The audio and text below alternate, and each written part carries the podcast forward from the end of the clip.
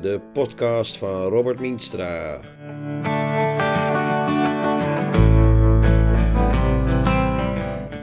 Op pad voor een podcast met een bekende of opmerkelijke Almeerder, dat gaat even niet. Dus het studiootje maar eens op mijn bureau opgebouwd. Wat heeft die coronacrisis voor effect op mij, op mijn vak als journalist? Hoe kijk ik er als columnist tegenaan? Mag ik er grappen over maken? Ik moet je zeggen, ik verkeer toch wel in enige verwarring. De supermarkten zijn leeggehaald. En het rare is, ik heb nog geen hamsteraar gesproken. Op Facebook zeggen de gebruikelijke roeptoeters tegen de hamsteraars: Foei! En toch verdenk ik hen. Mijn vrouw Jessica heeft de afgelopen dagen eenmaal de dagelijkse boodschappen gedaan. Gewoon een halfje wit, een blik bruine bonen en twee carbonaatjes. Heb je nog wc-papier gehaald? vraag ik. Nee joh, twee weken geleden heb ik al een pak gehaald en daar is nog de helft van over, dus we kunnen nog twee weken vooruit en dan koop ik daarna wel weer een nieuw pak. Zaterdag stond ik in stad op de markt bij de broodkraam. Een man rechts van mij bestelde vijftien broden en iemand links acht broden. Ik was aan de beurt.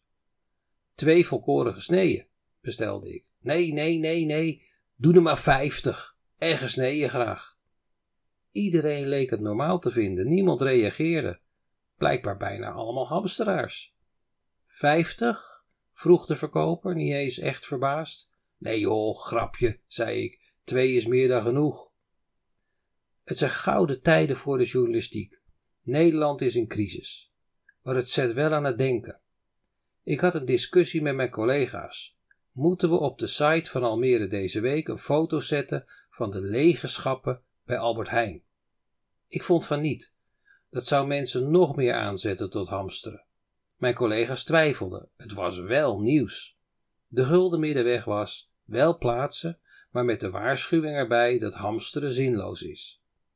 Een lijst maken voor de krant van alle evenementen die niet doorgaan en die dan elk uur updaten. Ik vond het niet zinvol. Niets gaat toch meer door. Ik belde vrijdagochtend burgemeester Frank Weerwind. Ik vond dat hij op de voorpagina de Almeerders een hart onder de riem moest steken en ook uit de doeken moest doen hoe hij en de Flevolandse regio met de crisis omgaan. Vrijdagavond kon ik bij hem terecht. Hij stelde mijn initiatief zeer op prijs en nam alle tijd. Zaterdagochtend heb ik het verhaal geschreven. Zondagochtend werd het geautoriseerd door de burgemeester en ging het verhaal online.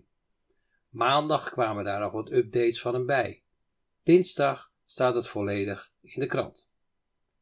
Maar hoe gaat het op de redactie?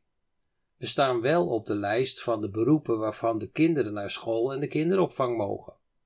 Mijn volwassen kinderen werken in de jeugdzorg en in het onderwijs. Die moesten dus werken. En hun eigen kinderen mochten nu ook daardoor naar school en de opvang. Omdat ook die ouders dus op de lijst van vitale beroepen staan. Maar dat vonden ze niet verstandig. Bij ons, bij opa en oma, mogen de kleinkinderen niet meer komen. Maar mijn kinderen hebben het gewoon geregeld voor hun kinderen, voor mijn kleinkinderen. Ze zijn onder dak.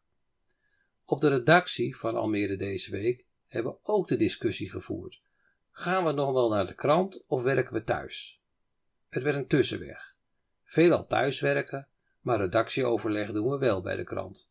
De krant moet altijd uitkomen. Ik had deze week vijf afspraken voor interviews staan. Die werden allemaal gecanceld. Dus mijn agenda is nu leeg. Maar ik wil niet dat de krant helemaal vol komt te staan met coronanieuws.